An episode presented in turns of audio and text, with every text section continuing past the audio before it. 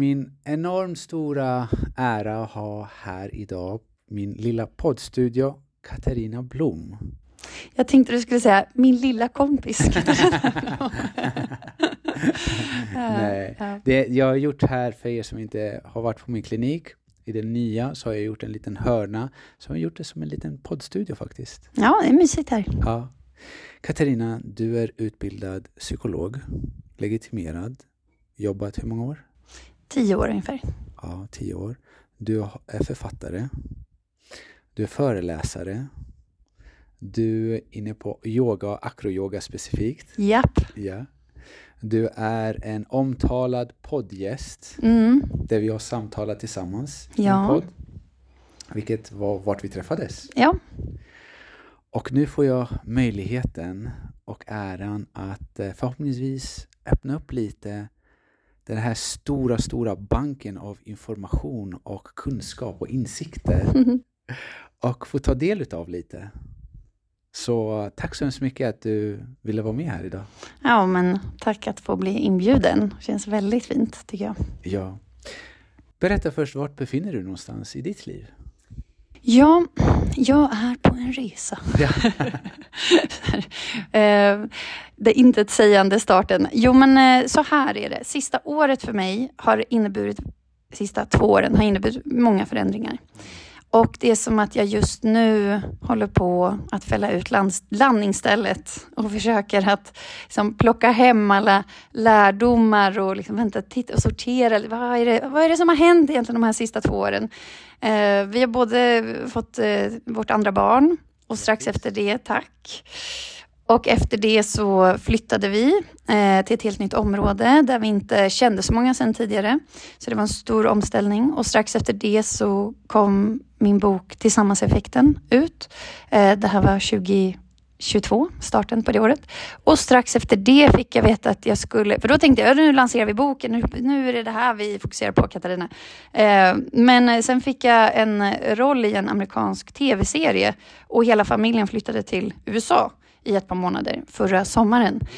Eh, så det var en stor eh, ja, omkullkastning av, av eh, liksom, vanor och rutiner och precis när man börjat bygga upp någonting.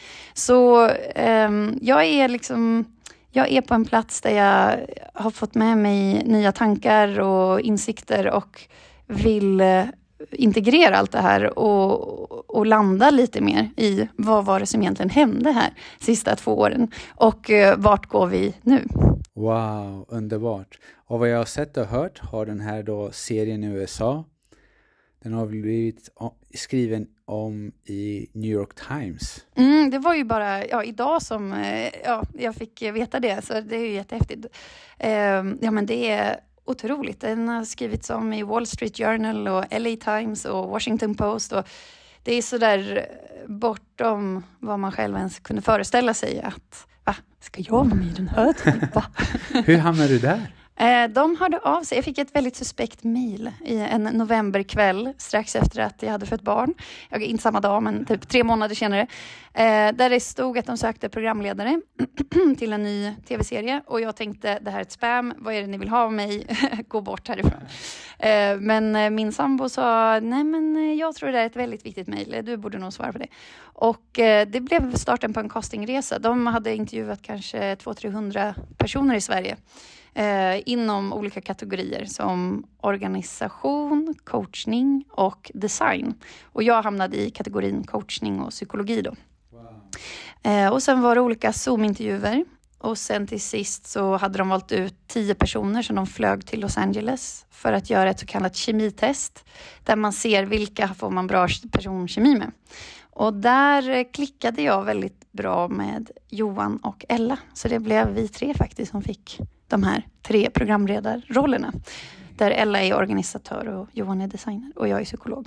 Ja, vad intressant. Mm, Så tre från Sverige. mm. Ja, vad fint. Och det är klart som du säger, omtumlande, kanske och omkastande. Jaha. Väckt många känslor?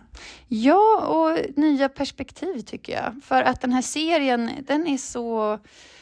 Nu är jag ju väldigt biased här, men den är ju väldigt fin. Eh, där vi träffar åtta, eh, åtta personer i åtta avsnitt eh, som står i en viktig livsförändring. Och eh, döden är närvarande i rummet på ett eller annat sätt i varje avsnitt, skulle jag säga.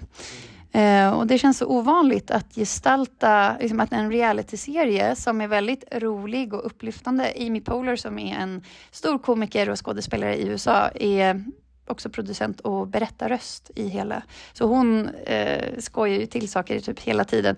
Eh, men vi har också väldigt allvarsamma samtal om döden och om sjukdom och om eh, förluster på olika sätt i livet. Eller snarare kanske också att stagnera, att sitta, uppleva att man sitter fast i livet fast man känner att livet rör sig hela tiden. Jag måste ta vissa kliv nu för att eh, uppdatera hur jag lever mitt liv så att jag kan leva mer i fas med var jag är någonstans i livet. Gud, blev det alldeles för abstrakt.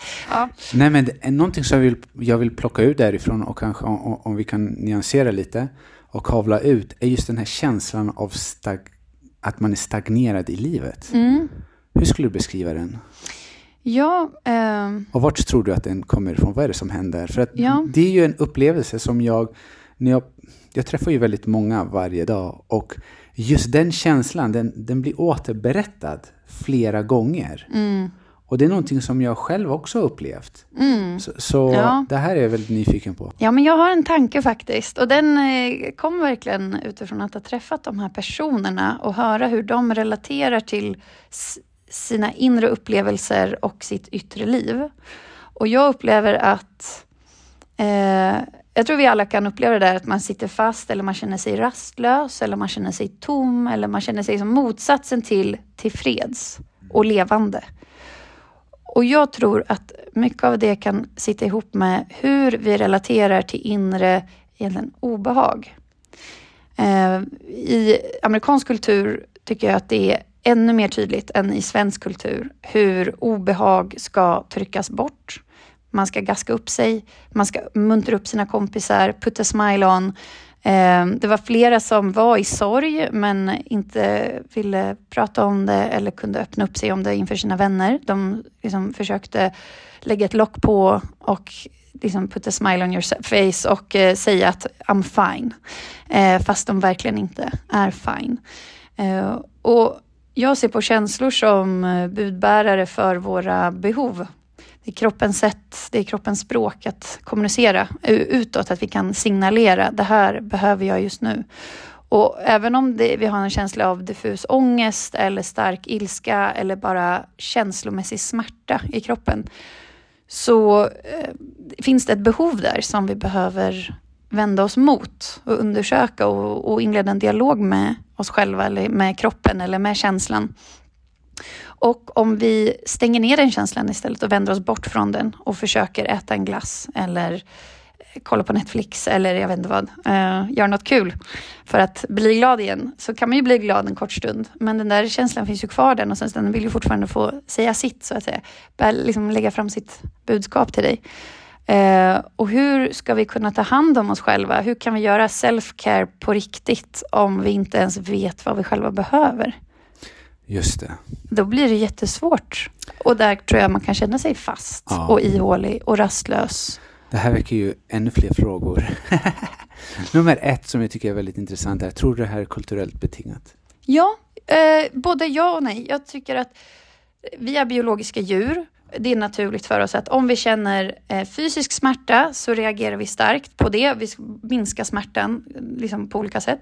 Känslomässig smärta, det blir en fight-flight-reaktion ofta också. Så att vi bara, oh, jag ska bara ta mig bort från den här smärtan ehm, och försöka hantera den på ett ganska grovt sätt. Ehm, det är ju inte naturligt för oss människor att så här, lean into the discomfort. Nu ska vi bara se oss omkring i det här mörka obehagliga rummet i dig. Utan det är ju någonting man ofta får träna upp. Och jag tänker att det finns ju jättegamla, det här vet ju du, gamla praktiker för att just träna upp den här förmågan som meditation till exempel, eller mindfulness, att relatera till inre upplevelser på ett stilla, mjukt, utforskande, tryggt sätt för att vi ska orka se vad som finns där och orka vara med det och orka bära det och liksom bekräfta det. Jag ser dig, lilla obehagskänsla. Och jag vill lyssna på vad du har att säga mig, för jag tror det är värdefullt och viktigt. Just. Ehm, Så jag tror absolut att det finns en biologisk komponent, att vi inte, det är inget naturligt för oss att liksom bara stanna i smärtan. Eh, och sen kan ju en kultur eh, ja, dra upp den här tendensen att dra sig därifrån eller inte. Och jag tycker att vi svenskar kanske inte är fantastiska på att prata om döden och vara med vår egen smärta eller andras smärta. Men i USA, bo, det var liksom, jag tycker att det var jag, jag, träffade ju bara få personer och USA är ett väldigt stort land så att jag ska inte liksom generalisera. Men det jag såg, min egen erfarenhet var att det fanns en enorm positivismkultur eh, och också i relationer, till och med i nära vänskapsband. Att det var flera av dem vi träffade som, jag kan inte, jag vill inte förstöra för andra. Jag vill inte belasta dem med min smärta. Eh, och jag, hörde, jag lyssnade på en så fin eh, amerikansk poet Ocean Wong, hette han, eh, som sa eh, How are you has failed us. Och det är så fint Eh, han säger att vi kan inte längre lita på att när man säger How are you, att vi kommer få veta hur personen verkligen mår. Och det är klart man inte behöver öppna upp sig för alla, men i alla fall inför de här viktiga personerna. Om man, ja, hur gör vi egentligen när man har svårt att orka vara i sin egen smärta, men man känner samtidigt att jag behöver hjälp och jag behöver stöd hur ska jag signalera det på ett tydligt sätt när vi lever i en kultur där vi inte har ett språk för det här, utan det blir lite upp till var och en att uppfinna hur ska jag hitta orden att prata om inre känslomässiga svåra tillstånd. Det är som vilken börda för vilken individ som helst och säg sen att du är man och har fått ännu mindre träning än kvinnor generellt sett från ens egen uppväxt. Eller det här familjerouletten, vilken familj man föds in i. Eh, hur pratade ni om känslor där? En del hade säkert fina samtal om känslor när man växte upp, men väldigt många av oss hade säkert inte det. Eh, så det finns ju flera lager i det här, hur vi relaterar, att det förstärks eller liksom kan förstärkas av en kultur, men också av familjekulturen. Också av ditt kön eller vilken tidsepok du föddes in i. Och den här Ocean Wong eh, sa som fin symbol, hon tittade på byggnaderna i New York och såg alla fire escapes, alla brandstegar. Hon sa vi utrustar byggnader, varje byggnad med en brandstege. Men vi har inte ens ett tydligt språk för att jag måste fälla ut min brandstege. Jag, liksom, det brinner i mitt hus. Jag måste få hjälp. Eh, ja, det var sån fin eh, symbolism tycker jag. Ja. Och jag kan bara tillägga där från en ung vuxen som kommer från Tensta-Rinkeby. Mm. Där man ska, man ber inte om hjälp. Man, mm. ja, det finns ett stigma där. Det är tabu att man ska helt enkelt visa sig svag, visa mm. känslor, prata om det. Mm. Men jag hoppas att det, jag vill tro i alla fall att det finns en liten trend där som förändras. Jag hör vänner som startar eh, vi kan göra lite reklam för mansarbete och eh, Skalp heter de som gör då 90 dagar mansarbete. För man ser ju kulturer världen över har ju alltid haft någon form av ritual där pojkarna gick igenom och blev män. Så vi har tyvärr inte, vi, vi har, det har lite försvunnit. Så, så lite försöker Skalp göra det, bland annat. Bland mycket annat bra. Men det här med känslorna och har du några konkreta verktyg, tips och råd som man kan ta till sig om man inte har någon person som man bara kan ta upp telefonen och prata till, ringa till. Mm. Finns det någonting annat som man kan ta till sig och i alla fall ta ner en liten brandstege eller ja. öpp öppna lite det här locket så det kan pysa ut? Absolut. Ja, men jag tycker den viktigaste personen att fälla ut brandstege inför är ju en själv. Så eh, vi är alla skyldiga på olika nivåer, till olika grad, att blunda inför hur vi faktiskt har det, hur vi faktiskt känner. Och det kan vara sådana enkla saker, man kan ju, om man vill lära känna sig själv bättre och hitta verktyg att förstå inre upplevelser, till exempel känslor eller kroppsliga spänningar eller eh, signaler på att jag är hungrig eller jag behöver gå på toa, jag är törstig. Eh, allt det här stängs ju ner när vi är stressade, eh, om man ser det lite grovt. Och om man är nyfiken på att liksom etablera mer kontakt så tycker jag man kan börja med Eh, att bara lyssna på till exempel hungersignaler eller oj nu behöver jag faktiskt gå på toa eller liksom, nu behöver jag byta position i den här studio, i stolen i poddstudion. Eh, precis, du börjar snurra en handled direkt. Eh, så att, det är ju det här dialogen vi kan ha med oss själva egentligen hela tiden. Men eh, det blir ju också kanske tar fokus och vi har ett arbete att utföra, vi kanske har barn. Så det är naturligt att vi inte är där jämt. Men att lära, träna på den här rörelsen att då och då checka in med hur har jag det egentligen? Har jag, håller jag på att bli, få lite spänningshuvudvärk här eh, under den här arbetsdagen? Att man då och då bara lyssnar in lite. Vad säger kroppen till mig? Vad skickar den för signaler i form av precis andetaget till exempel. Jag hörde precis tog ett djupare andetag. Eh, så det finns ett samtal där som man kan ha. Kroppen är redo jämt. Det är så fint. Den är liksom, I'm up for it. Den vill ha det här samtalet. Det låter som att kroppen vill ha den bästa relationen med dig. Mm. Och den är så här, för jag hörde just, det var, och tillbaka till en jättefint citat och jag minns inte vem som sa det. Men just när man får ett barn, barnet eh, är 100% redo att skapa den bästa relationen med dig. Men just, just i den här stunden så kände jag att kroppen är nästan redo att göra samma sak med dig. Jag håller med. Det är så fint. Och den kroppen är ju så förlåtande på det sättet att även om vi liksom missbrukar vår kropp på olika sätt, den bryr sig inte. Det är en ny dag idag. Jag är så redo. Jag vill reparera. Ja, ja. Och den liksom håller inte en grudge. Den bara homeostas, nu kör vi. Ja. Snälla ge mig lite vatten. Ja, exakt. Frisk luft. Exakt. Motion. Ja. Jag försäkrar dig jag gör det bästa Ja. Ja. För att avgifta Ja. den här levern. Ja. att balansera de här hormonerna. Ja, vilken kärlek. Mm. Jag blir bara helt mjuk i hela mig. Det är fantastiskt. Visst är det det? Mm. Att blicka inåt och lyssna. Mm. Och om man tycker det är svårt i sin tur så tycker jag det kan vara hjälpsamt att använda sig av det här slitna begreppet mindfulness och eh, använda det först. Rela hur relaterar du, hur kan du uppleva fysiska objekt?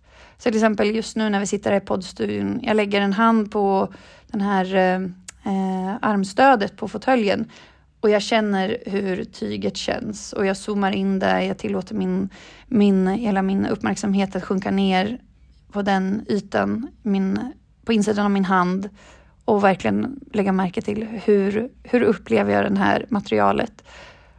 Och genom att träna på mindfulness på yttre objekt som är fysiska och konkreta så kan vi sedan ta den förmågan och öva på att relatera till inre objekt eller inre förnimmelser. Eh, och det tycker jag har varit en, en hjälpsamt verktyg för att etablera en starkare kontakt inåt och förstå mer av vad som pågår i den här, i det här varelsen, i det här djuret som heter Katarina. Ja, i den här själen. Mm, exakt. Jag har en jätteintressant fråga och, och jag har gått runt och grubblat väldigt mycket och det är relation mellan tankar och känslor. Mm. Ja, Hur ser du det på, på det? Finns det ett höna och ägg där också? just det. Ja. Ja, eh, detta tvistas det ju om, men eh, på psykologprogrammet får vi lära oss att eh, eh, de, att det är liksom, de sitter ihop väldigt mycket. Så Ja. att det finns inte en höna och ett ägg. Det finns inte så vad som kommer först, utan ibland är det ena och det färgar av sig på det andra. Eh, och jag tycker det som är sympatiskt med det synsättet, att det inte alltid är så här tanke, känsla, handling. Eller typ stimuli, tanke, känsla, handling. Ehm, det är ju om vi ser oss omkring utan att bli alltför mystiska, så vi är ju i någon sorts flöde av upplevelser hela tiden. Och det är så typiskt oss människor att om vi ska försöka förstå oss på, eh, tänk all, hur sammansatt en upplevelse är.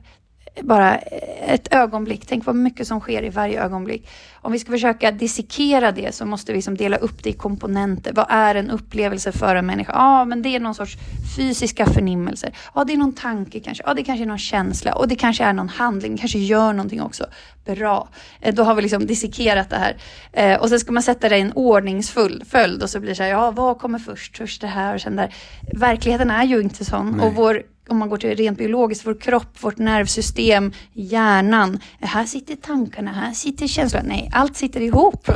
Det är klart vi har olika centran där som processar olika saker och hej och hå. Men allt är ju väldigt sammankopplat. Just det. Eh, Så jag tycker egentligen att den frågan snarare pekar tillbaka på oss människor och vår, vår, det lilla trånga liksom, sugröret som vi har framför ögat och försöker förstå oss på världen genom Ja. när man ska dela upp saker och ting. Och på tal om, om eh, centra och hjärnan. Mm. Har vi en del av hjärnan som är centrum för känslor? Dagens avsnitt är sponsrat av Dr. Diamantis produkter där du kan hitta olika örtteer som kan hjälpa mot olika besvär som till exempel en svullen och stram mage eller hormonell obalans. Du hittar kosttillskott av högsta kvalitet eller superfoods, ett enkelt sätt att öka näringsuttaget för dig och hela din familj. Du hittar produkterna på www.drdiamantis.com. Alltså, det har vi säkert, men jag kan inte Nej. det här. Det, så, det som Ja. jag finner mest intressant är att eh, känslor tror jag och tankar. Mm.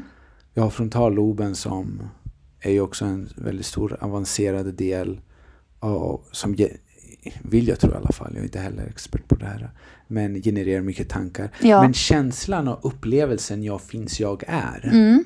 den, den tycker jag är väldigt intressant. Mm. För att den upplever jag är konstant. Mm. Medans tankar kommer och går, känslor kommer och går, Mm. förnimmelser kommer och går. Jag förstår. Men den här, nu blir det lite esoteriskt här, men den här känslan av jag finns, jag är. Det är ju kanske inte någonting som du har i ditt uppmärksamhetsfokus hela dagen. Utan det kommer egentligen och går också, tänker jag. Eller? Ja, att jag blir medveten om det. Mm. Ja, definitivt. Det kanske var inte så du tänkte från början. Nej, men jag tänkte det medvetandet överlag. Mm. Som, eh, som ser och observerar och betraktar. Mm. Ja, oavsett om det den tanken också eller andra tankar. Ja, jag förstår. Det som är liksom det som upplever tankarna. Exakt. Ja. Mm. Det har jag också varit väldigt intresserad över Mm. en längre period. Mm. Och eh, under en del utav min egna inlärning i Kina och de fem åren jag var där och kontakt med buddhismen och hinduismen och så vidare så, så var det väldigt mycket fokus bland annat på just det här. Ehm, och jag upplevde som det kunde vara lite för mycket fokus för att det var nästan som jag förbisåg just det här känslomässiga och personliga och egot. Just det. Vilket väldigt mycket av konflikten är i Mm. det lagret. Mm. Och just relationen och hur vi relaterar till känslor. Mm. Tillbaka till att vi försöker fly från dem. Mm. Och, och den undermedvetna metoden jag hade genom många år och det var så här äh, Gör det som förväntas, gör det som krävs. Uttryck inte det du känner Mm. och kör på. Egentligen det, det är um, så här, the 10 golden rules för en elitidrottsman till exempel. Ja. Ja. En oskriven regel. Det är, så här, det är ingen som frågar dig egentligen, ja, men hur mår du egentligen? Mm. Det är så här, ja, nu har vi match, nu ska vi vinna. Annars så, ja, får ni, inte, ni får inte betalt. Ja, till shit. exempel. Ja. Men hur miljön vi växer upp i Mm. och epigenetiken då, hur miljön vi växer upp påverkar oss. Bland annat då den mentala infrastrukturen, hur vi relaterar till känslor och tankar. Mm. Men också sedan hur det påverkar oss biologiskt. Mm. Ser, hur ser du kopplingen mellan tankar, känslor och den fysiska kroppen? Ja. Jag har alltid känt att jag är intresserad men att jag kan för lite just om det här med biologin. Men jag skulle absolut säga att eh, känslor är ju, alltså känslor tar sig ju kroppsliga uttryck. Och det är ju också för ett överlevnadsvärde i det att vi ska kunna kommunicera med hjälp av känslor så att det sätter sig i ansiktet eller i vårt kroppsspråk så att de andra utan att vi ska behöva ha utvecklat ett språk där vi säger ord till varandra så ska de andra snabbt förstå vilken plats du är på. Och det som du känner kan ju ofta väckas en liknande känsla i mig. Eh, bara att känslointona sig mot någon eller eh, det här med spegelneuroner till exempel som eh, väcks när jag tittar på dig och du uttrycker en känsla så eh, finns det en del av min hjärna som, som väcker en liknande känsla i mig.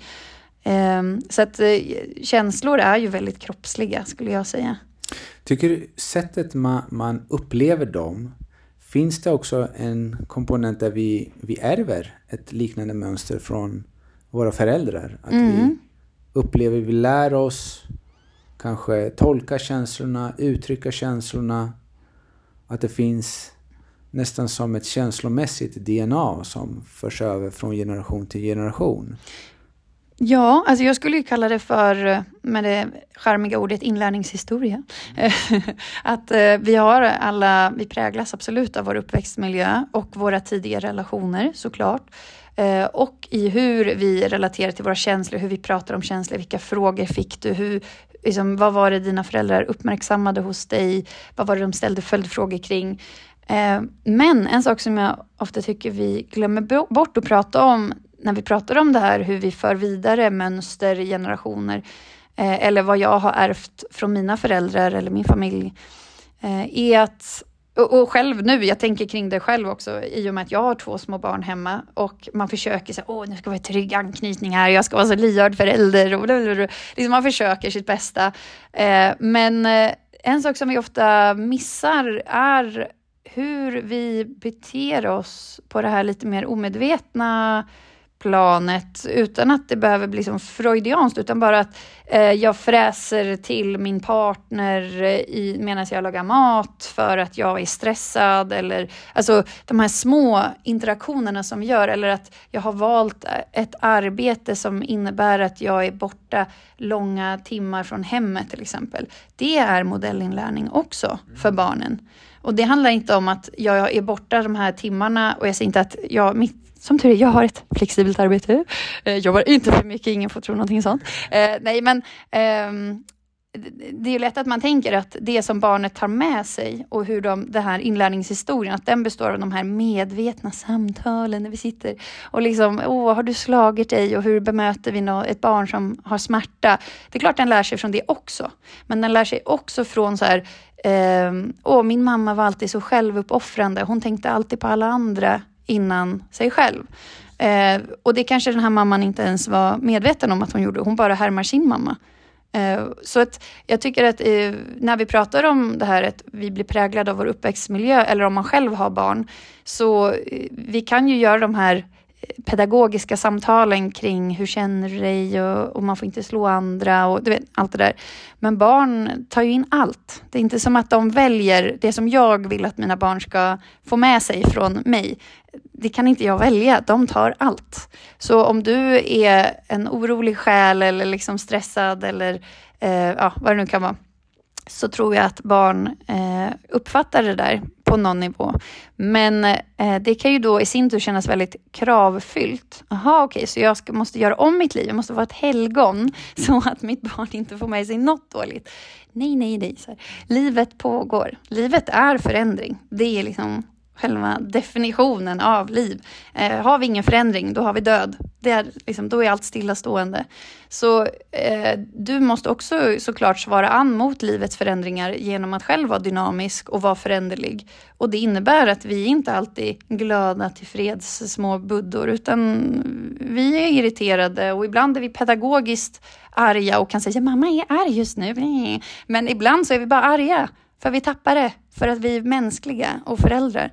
Så jag tycker eh, det kan vara Liksom, det är verkligen inte meningen att man ska känna mer krav när jag säger det här, utan mer att man kanske kan känna mer medkänsla och förlåtelse mot sig själv. Att, eh, att livet pågår och jag gör så gott jag kan. Alltså jag gör det jag klarar av, det jag mäktar med. Jättefin Men, påminnelse. Ja, det är ingen som lyckas vara den här perfekta, ständigt pedagogiska eller liksom rollmodellen. Och du kan ju bara gå till dig själv. Hur var det i din egen familj när du växte upp? Förmodligen inte så perfekt. För det finns inte. Uh, så jag tycker att ju mer vi kan omfamna liksom, verkligheten och att det är vad det är och eh, vi har de här skavankerna och hur hanterar vi dem? Och man kanske tappar humöret men sen har man chans att be om förlåtelse. Eller liksom, det är ju det som är själva resan. Liksom. Det är ju det som är poängen kan jag känna. Ja. Och det är där du kan modellera mänsklighet och liksom att du kan vara medkännande mot dig själv. För det kommer ditt barn också märka av, tror jag. Jättefina påminnelser. Och jag tror att eh, vi alla kan dra nytta utav att reflektera över också vårt beteende. Men, just att du sa att man går tillbaka och om det är någonting som gjort fel, att man ber om ursäkt och man förklarar att det är, det är vad som hände. För att hur man än vrider och vänder på sig, vi föräldrar är ju den referenspunkten som våra barn kommer få till vad är en frisk kvinna, en frisk man? Så att säga en balanserad... Eller två mammor eller två pappor. Eller, ja, Exakt, Du vet allt ja. det. Ja. eh, primära vårdgivare. Politiskt korrekt. Så inkluderar vi allihopa. Ja. Just för, för att få bra referenser. Mm. Ehm, och en, jag tror en stor del utav det, det är att inte försöka att inte göra fel, men att prata om det och att visa sig sårbar. Mm. Eh, att säga det är så här det sker ibland. Mm. Och ge utrymme för barnet att göra detsamma. Exakt, och det är ju kärlek. Ja, verkligen. Jag, jag tror i, i ett samhälle som kräver allt mer av oss och kräver allt mer av allt yngre Mm. så är just de här relationerna och att påminna sig att vi är bara mänskliga otroligt, otroligt viktiga. Jag, jag har den här brandstegen fortfarande i mitt huvud Ja, och jag ser det faktiskt som hanteringsmekanismer. Vad, hur kan, att det är så många som har olika typer av hanteringsmekanismer. mm.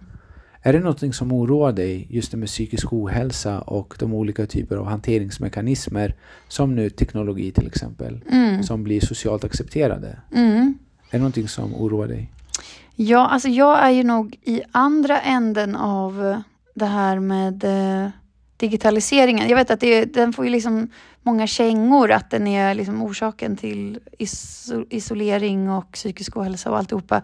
Men jag vill verkligen, jag tror att jag verkligen vill ställa mig i, i hörnan i ringen där det, eh, ja, hörnan i ringen, men du förstår vad jag menar. Eh, I det perspektivet att eh, allting blir ju vad vi gör det till och att digitalisering är inte ont eller gott i sig, utan det är ett verktyg eller plattform. Liksom, det blir vad vi gör det till. Och hur vi pratar om det här eller vilka normer man har kring det på arbetsplatsen eller i skolor eller i kompisgruppen. Och det är inte någonting som bestämmer över oss, utan det är ju faktiskt vi som bestämmer över digitaliseringen eh, eller de här verktygen. Och om man tittar på bara studier så ser man att eh, det är viktigare vad vi gör med våra telefoner än liksom bara, nej allt är dåligt. Typ. Jag älskar min eh, eh psykologkollega och vän eh, Siri Helle som eh, har skrivit en bok eh, om digitalisering. Och hon säger ofta att man kan tänka på te- teknikkonsumtion som en, eh, vad heter det, den här kartan över vad man ska äta eh, varje dag. Ja men typ. Eh, att eh, det handlar inte om att så här, det är bra eller dåligt. Det är så mer, vad gör du på din telefon? Ja, men jag gör lite broccolibeteenden men sen har jag lite godisbeteenden också. Eh, och att det mer handlar om liksom, att få en, en allsidig intag av digital kost. Än att, det, sagt. än att digitaliseringen per se är destruktiv för oss. Just det. Typ så. Och jag, jag är ju också lite passionerad kring det här med eh, hur pass sociala vi är och hur vi blir påverkade av varandra socialt. Och här är ju ehm, eh, ja, teknik en fantastisk dörröppnare för att vi ska ha möjlighet att få kontakt och hålla kontakt med varandra. Eh, sen vet jag att den, eh, det, är, liksom, det är samma sak där, att vår förmåga att påverkas av våra sociala relationer, det kommer med en för Eh, liksom, fördelar och med nackdelar. Och det är samma sak med hur vi använder liksom, att koppla, mm, eh, relatera till varandra på plattformar. Det är samma sak där. Det är jättebra på vissa sätt men det är jättedåligt på andra sätt. Så att eh, jag tycker väldigt mycket om det här det, det är ju det är så psykologiskt, men det är lite både och. Det beror på och liksom hur, vad vi gör av det och hur, hur mår du? Liksom igen, checka in med dig själv när du är på telefonen. Ja, ah, det här mådde jag ju bra av. Det här kändes som ett broccolibeteende. Jag har gjort eh, djupandning tio minuter med eh, en app. Liksom. Eller uh, jag har så här, känner mig lite digitalt bakis nu. en digital baksmälla för att jag har liksom hängt runt och det bara försvann en timme och jag bara scrollat och var, det är så tomma kalorier. Nej, det här gav mig inte så mycket. Så att lära känna sig själv när man håller på där ute, tänker jag. Bra. J jättefint. Och lära känna sig själv. Så kan man på något sätt varje kväll sammanfatta och säga okej, okay, vad gjorde jag på den här mm. Plattformen eller den här... Ja, och lite så här, okej, okay, och är jag stolt över hur jag har spenderat den här sista timmen?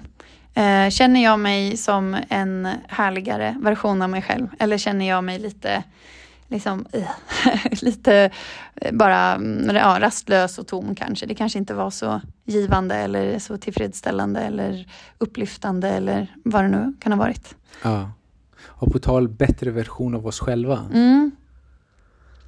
Vad finns det för tillvägagångssätt? Så om vi har en mental bild på vad jag vill åstadkomma, vad jag vill göra, men jag inte jag vet inte hur jag ska börja, hur tar jag första steget eller hur, hur håller jag mig till målet mot mitt högre jag, min bästa version av mig själv. Vad är dina så här, gems? Vad är dina? Mm.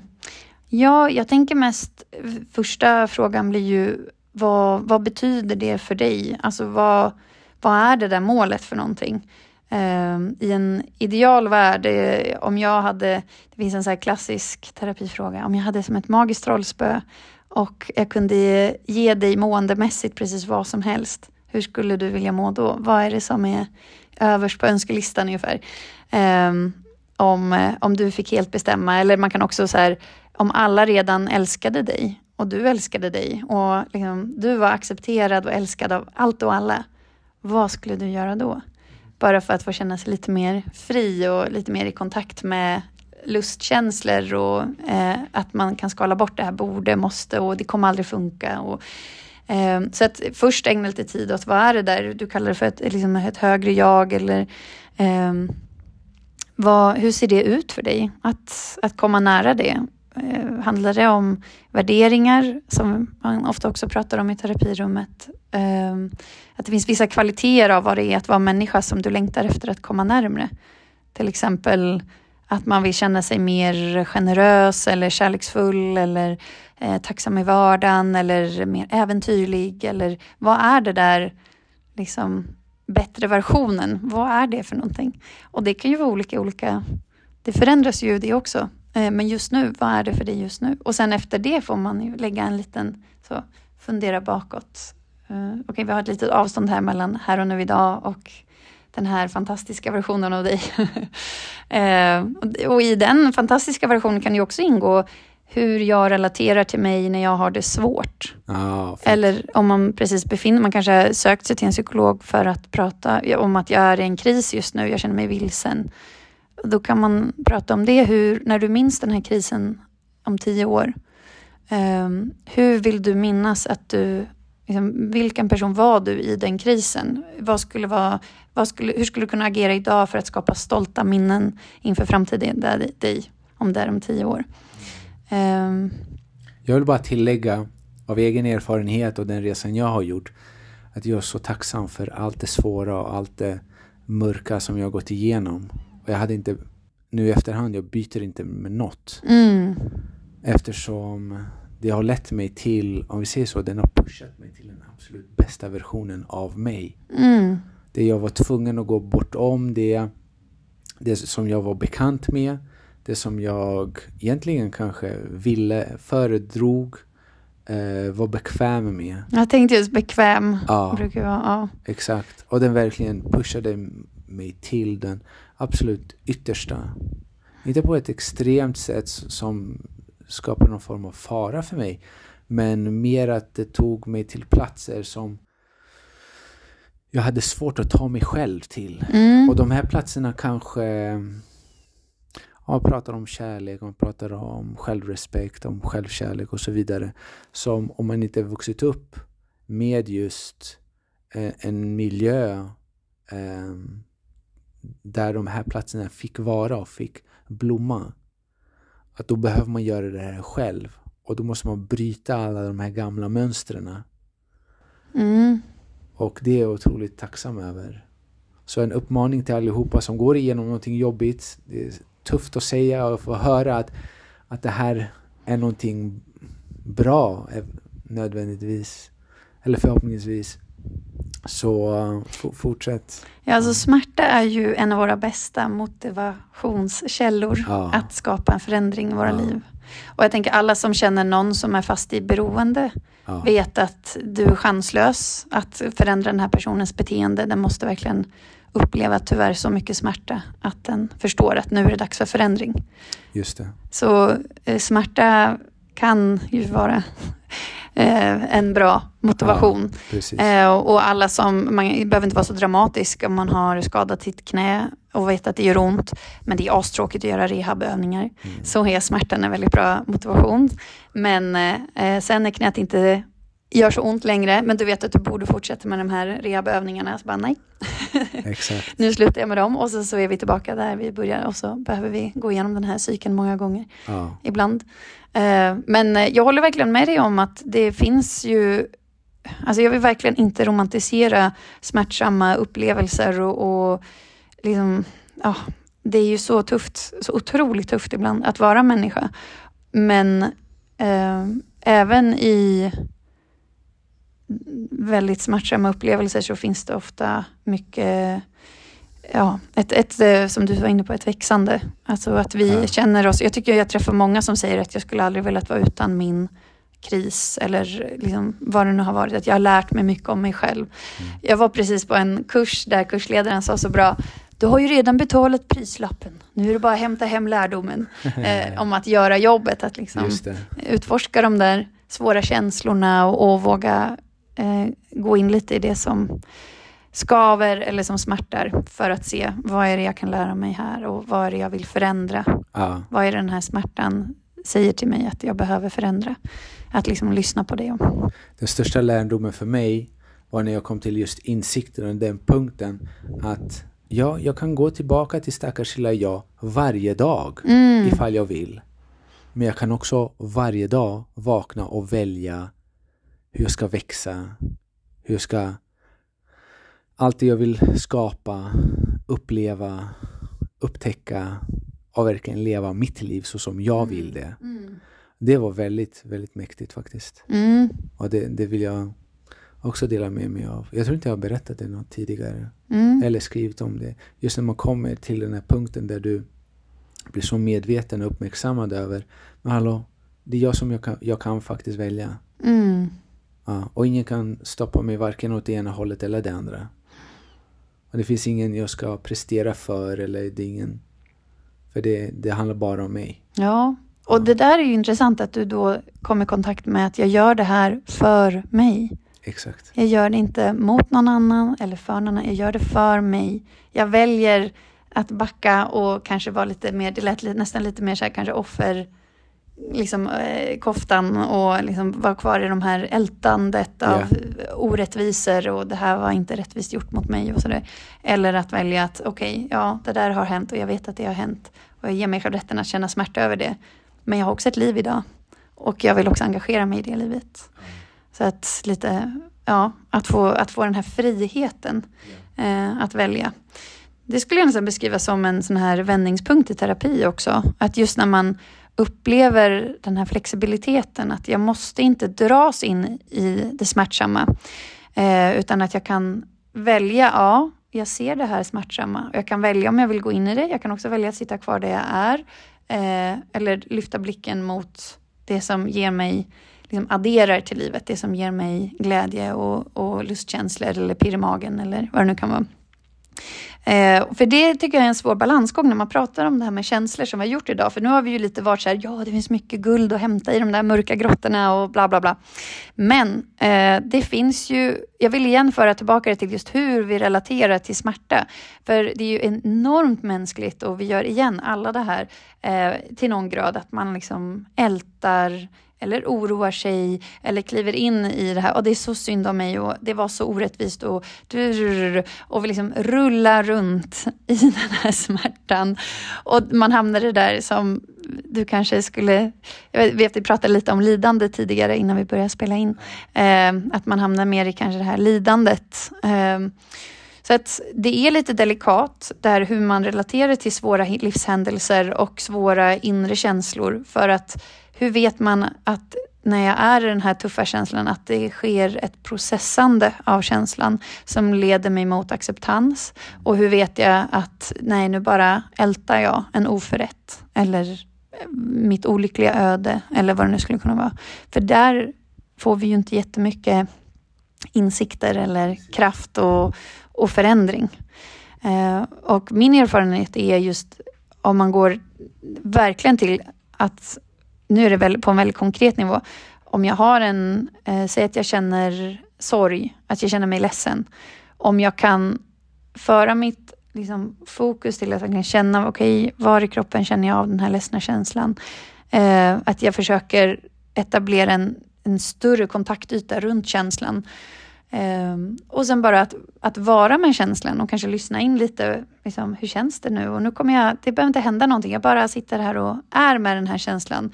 Kanske inte tänker så många tankar om den, utan mer upplever känslan i kroppen.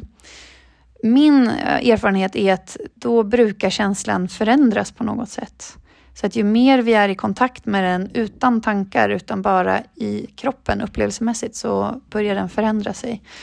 Och det är där jag tror att man kan få en ledtråd om att jag relaterar till mina känslor på ett sätt som inte gräver hålet djupare utan att jag ger den jag håller den här känslan åt mig själv eller jag ger den fokus och stöd att få finnas. Det enda jag ser framför mig det är bara kärlek. Mm. Att man skickar kärlek till den jobbiga känslan. Mm. Det är så att man, jag brukar säga till mina, till mina patienter att, att vi tar in det i vårt hjärta. Vad fint. Ja, Vilken fin bild. Ja, att hjärtat är ja, oändligt. Att det finns plats för allt i hjärtat. Att någonstans har vi, har vi beskrivit det lite poetiskt också. Att vi blir vår inre alkemist. det vi gör om allting. Just det. Ja. ja. ja det är ju häftigt för då känner man ju, det är ju empowering. Ja. Liksom, då känner man ju, ja, jag kan. Jag kan äga det här. Exakt. Mm.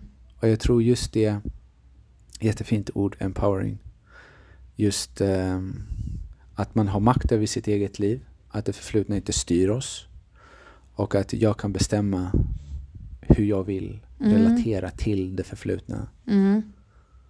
Jättefint. Jag tycker med alla de här fina orden ska, kanske vi kan avsluta för idag. Ja, ja. absolut. Vilket fint samtal. Jag är jätte, jag är otroligt tacksam att eh, vi fick till det till slut. Mm. Ja, detsamma. Ja. ja. Väldigt fint att få träffa dig och prata så här länge med dig. Ja. Eh, vi har ju mest pratat lite kort tidigare, så Exakt. det var väldigt fint. Så tusen tack Katarina. Katarina, än en gång, alla som lyssnar, Katarina har skrivit fantastiska böcker. Den senaste var Gemensameffekten. Tillsammans-effekten. Nästan rätt. Tillsammans-effekten. Den finns där. Jag skick, ähm, lägger också upp länk till er som är nyfikna. Så följ henne också på Instagram. Det är lägger upp jätteintressanta och lärorika saker. Tack ännu en gång. Tack Diamantis. Jag önskar er allihopa allt det bästa, massa kärlek. Hej då.